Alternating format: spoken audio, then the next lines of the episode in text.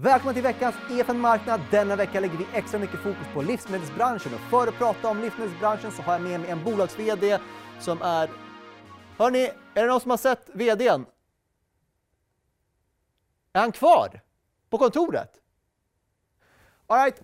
Uppenbarligen så är VDn kvar på sitt huvudkontor så vi beger oss dit. Nu kör vi!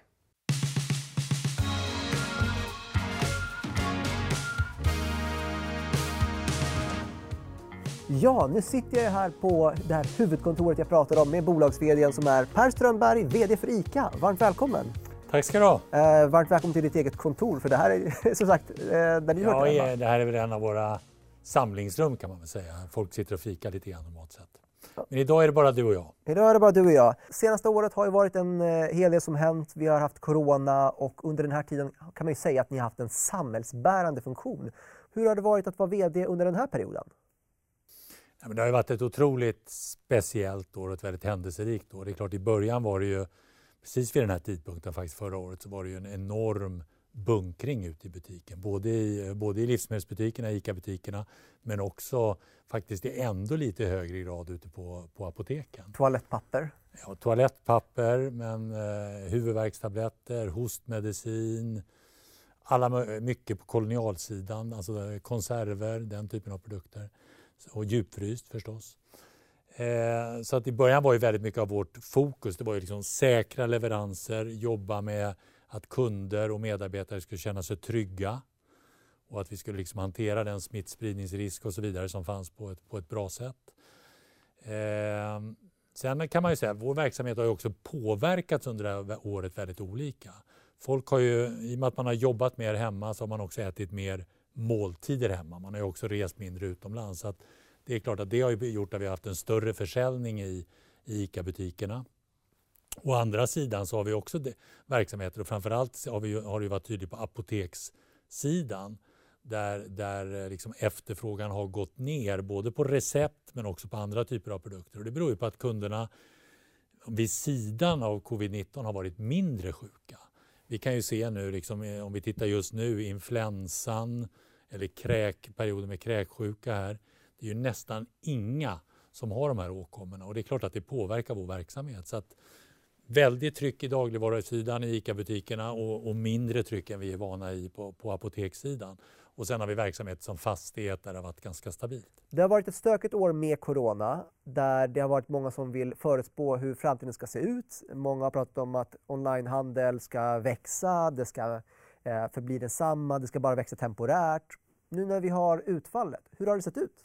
Nej, men det har ju blivit stora förflyttningar och jag tror att många av de här förflyttningarna kommer att hålla i sig också. Och, och det, det, blir ju naturligen så, ju längre liksom man, man set, eller har ett förändrat beteende som man nu har tvingats till så är det ju naturligt att det liksom fortsätter. Så det är klart, det vi ser som viktiga frågor framöver det är ju det här med pris och prisvärde.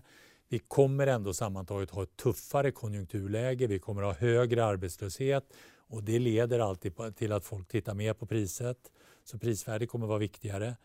Det är klart att man har ändrat sitt beteende kopplat till online, digitalt. Man använder fler digitala hjälpmedel. Man handlar mer eh, online. Vi ser ju fortfarande otroligt starka ökningstal i, i, i vår onlineaffär. Och där, där eh, kommer det också vara väldigt spännande år som väntar nu i och med den övergång vi gör till, till Ocado. Det kan vi komma tillbaka till. Så att, eh, det är väl två bitar. Vi ser också att kunderna vill ha mer när det gäller hälsa, hållbarhet. De frågorna kommer mer i fokus. Och jag tror att det, det här blir mer bestående just för att covid-19 har, har eh, hållit i sig så länge. Och eh, om vi stannar kvar vid onlinehandel eh, och pratar lite grann om, eh, ja, alltså vi har fått en eh, tittarfråga kring det och det är Petrusko som undrar hur du ser på onlinehandel och butikerna som upphämtningsplats? Mm, ja, vi ser ju att det är ju den delen av onlineförsäljning som ökar allra mest, att man hämtar i butik. Sen skiljer det väldigt mycket mellan storstad och framförallt då Stockholm och landsbygd. I storstad så är det fortfarande att runt två tredjedelar, ungefär, ungefär 70 procent är hemkörning. På landsbygden är det precis tvärtom. Där är det den, den, eh, stora delen av volymen är så att säga att man väljer att hämta vid sin butik. Ofta via en bra drive-through-lösning eller någon annan smidig utlämning. Men det, det, är stora skillnader och det beror väl lite grann på att i storstad så var det, var det en del var det de rena online-aktörerna som började och de erbjuder ju bara så att säga hemkörning. Men hur ser lönsamheten ut på det? Jag, tänk, jag tänker mig att det är ganska mycket tid som krävs att handplocka en, en enda ICA-påse som någon har köpt in i varje butik. Ja, men det är ju så att oavsett om vi så att säga ska hem, eh, ha hemleverans eller om du hämtar i butik så plockar man i butiken eh, ute på landsbygden och så kommer det ju se ut även, eh, även liksom framöver. Och, och, eh, vi har väl blivit överraskade får man säga vilken hög effektivitet vi kan uppnå i plocket i butik. Sen är det klart det är dyrare att eh, få fram en onlineorder och framförallt om den ska hemlevereras än vad det är att när kunden själv plockar ihop sina varor i butiken. Så, att, så är det. Så att kalkylen är fortsatt mer utmanande på, i onlinehandeln. Och vi har en till fråga kring eh, onlinehandel från en tittare som eh, det är Finansmannen som undrar hur du ser på att eh, mer och mer eh, körs direkt från centrala lagret till kund snarare än till handlarna. Hur ska ni fördela vinsterna där? Nej, men vi jobbar ju, det där är ju egentligen hur liksom ICA-systemet fungerar i stort. Vi jobbar ju efter det vi kallar ICA-idén. Där liksom handlaren eh, han driver sin egen affär, han har en väldigt stor möjlighet att påverka själv och så gör vi, väljer vi liksom i vårt system att göra vissa saker gemensamt. Och då har vi som ett exempel på det i storstad så har ju vi ett eh, gemensamt lager där vi eh, kan då plocka på ett lite effektivare sätt de order som, som kunderna beställer i e-handeln och så levererar vi det från en central punkt ut till antingen butikerna för upphämtning där eller hemkörning. Och då tar vi betalt för den tjänsten som vi utför liksom å ICA-handlarens vägnar. Så att det, de får betala för den servicen från ICA centralt kan man säga. Livsmedel, apotek, försäkring, bank, fastigheter. Vad är nästa steg för ICA? Vad ska ni göra med er kassa? Ja, men vi tittar kontinuerligt på nya områden. Man kan säga att basen i vår modell det kommer ju alltid vara dagligvaror. Sen de kompletterande affärer vi vill ha, då är det ju två saker. Dels ska det vara en bra affär i sig som vi ser att det här är en affär som man i grunden ja, kommer att ha en bra utveckling och vi kan tjäna pengar på det. Men den ska också bidra till dagligvaruaffären. Och tittar man till exempel, eh, och då ska det, handlar det väldigt mycket om att göra det enklare för kunden. Så att tar man apotekssidan till exempel så, och kunden väljer att handla på en av våra större ICA-butiker så hittar man ju nästan alltid idag en, ett apotek, ett Apotek Hjärtat då, i direkt anslutning till vår ICA-butik. Och många kunder tycker det är väldigt smidigt att samtidigt som jag handlar maten så kan jag också uträtta mina apoteksärenden. Så att liksom, de, de ska hjälpa och stärka dagligvaruaffären eller ICA-butikerna. Och det är ingenting ni eh, ser på att expandera utomlands eh, mer än Baltikum eller så? Eller?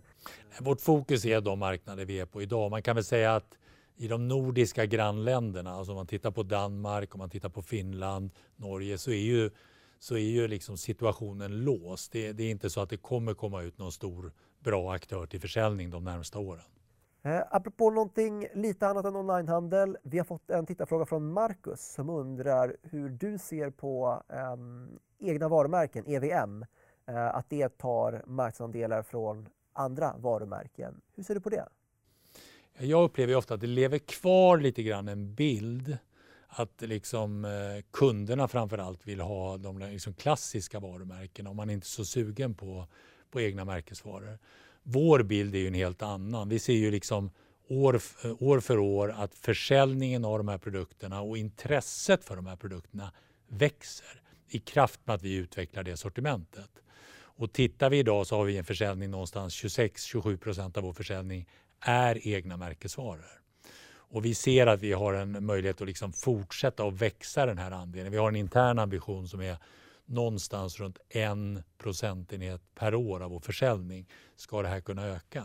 Det är klart att det finns ett tak för det och ytterst så är det alltid liksom, så måste det spegla vad kunderna vill. Men vi ser att många av de satsningar som vi har gjort inom det här området, satsningen på det ekologiska sidan med I Love det vi nu gör runt det vegetariska, där är de EMV-satsningar som vi gör väldigt uppskattade av kunderna. Men ser du ingen risk med att man eh, konkurrerar ut andra varumärken och eh, tappar mångfalden? Alltså det man har sett över alltså de senare åren är att det har varit en, en stark tillväxt i antal, antalet artiklar eh, totalt sett. Och det är klart, är man en, en stark varumärkesleverantör, är man nummer ett i sin kategori eller nummer två, då tror jag liksom man kommer kunna fortsätta att leva på ett bra sätt vid sidan av, av våra starka, eh, starka ICA-produkter. Är man en trea eller fyra i, i ett produktområde så blir det ofta tuffare. Däremot, eh, det som är viktigt att säga är väl också att just lokala produkter, de kan ju vara ganska små, men de är ju väldigt viktiga för oss på ICA och de är väldigt viktiga för våra kunder. För kunderna vill i allt större utsträckning köpa lokalproducerat. Alltså i, runt i det, i det geografiska område där man liksom bor. Ser du någon skillnad där också mellan storstad och landsbygd? Är man mer mån om lokalproducerat på landsbygden? Eller? Man kanske har en lite annan definition. Liksom. Det är klart att lokalproducerat i Stockholm blir något annat än vad lokalproducerat är i, i Mora eller i Dalarna. Så det är klart det kan, det kan skilja på det sättet. För det är klart du kan inte lokalproducera i Stockholm på samma sätt som du kan göra liksom ute på landsbygden. Så det, på det sättet kan det vara skillnad. Men, men intresset för lokalt och även svenskt som helhet är ju väldigt starkt just nu. Och du Per är ju bolags-VD och har ditt eget ledarskap antar jag. Men vi har fått en tittarfråga från Aruba som undrar om du har blivit inspirerad i ditt ledarskap av någon annan? Nej, men jag har nog haft förmånen att uh, ha väldigt duktiga chefer. Liksom om jag tittar på mina första år när jag jobbade. Och det är klart att man lär sig alltid mer av en, en duktig chef än en dålig chef. Och jag hade tidigt, när jag började ju med, mitt, mitt, eh, min karriär kan man säga inom Marabou-koncernen och där hade jag en väldigt duktig chef, Mikael Aru. Jag hade en annan när vi kom in i en större internationell eh, miljö som heter Peter Elving. Så att jag har haft väldigt duktiga chefer och det är klart att man lär sig mycket av de personerna.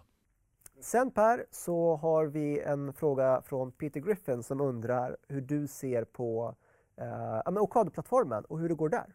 Ja, men det går väldigt bra skulle jag säga. Och det, det kan man väl säga att kopplat till nu att liksom corona har eller covid-19 har accelererat eller gjort att onlineförsäljningen växer väldigt starkt så är det klart att tajmingen här är väldigt bra för oss. Vi, vi, vi har ju nu precis inlett skiftet när det gäller den plattform som kunderna möter när man handlar. Så där har vi nu de första butikerna har börjat gå över till den nya Ocado-plattformen och vi kommer successivt då är tanken växla över i princip alla ICA-butiker under det här året. Och det kommer göra att det blir en enklare och smidigare köpupplevelse för kunderna och den här kommer ju liksom ha ett vi får ett mycket snabbare utvecklingstempo när, i och med att vi kan dra fördel av att det är flera andra stora internationella retailers som också är på den här plattformen. Så vi kommer, det kommer vara enklare, smidigare snabbare för kunden att handla.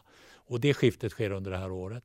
Sen nästa år, kan säga det blir klart, man kan säga vårt nya helautomatiserade lager som ligger här norr om Stockholm, det blir ju klart i slutet på det här året så gör vi en växling till det under nästa år. Och det är klart att då, då får vi också en högre effektivitet när vi plockar varorna och hjälper ICA-butikerna med det arbetet. När jag till exempel har varit utomlands och träffat andra människor så har jag berättat om Sverige, hur vi har det här. Och en sak jag ibland nämner är att vi i Sverige har en livsmedelskedja som har en reklamserie som har pågått i all evighet. Eh, med karaktärer som är återkommande vecka ut och vecka in. Och då har jag många gånger också tänkt på den här ICA-reklamen som ni brukar köra. Det, det är sällan jag lägger märke till varorna överhuvudtaget. Eh, hur går egentligen tankarna med ICA-reklamen och vad är ambitionerna? Är att det, det ska liksom fortgå och märker ni någon skillnad när det är någonting som har varit på ICA-reklamen att det ger ökad försäljning? Är det, är det varumärkesbyggande? Nej men absolut. Det första man kan väl säga är att vi, vi har väl sett över åren att liksom intresset för de produkterna som ligger med i tv-reklamen den ökar. Man säljer liksom relativt sett säljer vi ännu mer av de varorna än vad vi gjorde för något år sedan. Så det är en väldig kraft att ligga med i den här kommunikationen. Sen är det ju fantastiskt med en, en eh, ett reklamkoncept som har kunnat leva under så lång tid. Och, och jag tror att bakgrunden är ju att liksom, vi har varit duktiga, eller de som jobbar med det här har varit duktiga på att utveckla det här konceptet så att det hela tiden känns fräscht och intressant för, för våra tittare. Och, och det här sista greppet vi gjorde nu när vi bytte från eh, tidigare ICA-Stig till ICA-Stig och ICA-Stina. Det, det, är otroligt att se vilket intresse vi kan skapa runt en sån, eh, sån förändring. Sen när man gör såna här skiften så blir, finns det alltid en del det, det, det, tar alltid ett tag innan de, de, de, nya personligheterna sätter sig. Det är ju naturligt. Det eh, finns liksom viss eh, kärlek för det gamla och sen är man lite tveksam till, till det nya. Men jag är ju väldigt trygg med att liksom ICA-Stig och ICA-Stina och, och, få in också det kvinnliga här blir väldigt bra. Per, som avslutning, om vi blickar framåt 12 månader i tiden, vad är det du är mest spänd inför de här 12 månaderna? Nej, men jag tror att det är skiftet med det, det partnerskap som vi nu går in med med Ocado. Det är ett, eh, kommer göra det så enkelt och smidigt för kunderna och det, det, det kommer ge oss en fördel i marknaden. Vi är ju marknadsledare idag. Jag brukar säga att när vi startade vår onlineresa på ICA 2015 då fanns det oändligt med skeptiker. Kunde man liksom driva e-handel i vår modell med fria handlare? Men det tycker jag verkligen vi har visat och vi har en, vi har en mycket bättre tillväxt än vad marknaden har och vi är som sagt marknadsledare. Jag tror vi har gått från 0, miljard, 0 kronor till 5 miljarder på, under den här femårsperioden som vi har varit igång. Riktigt spännande. Önskar er lycka till. Stort tack för att jag fick vara här och eh, intervjua dig hos dig själv. Mm. Tack ska du ha. Yes, och nästa vecka är jag från marknaden tillbaka som vanligt. Missa inte att stå på återseende.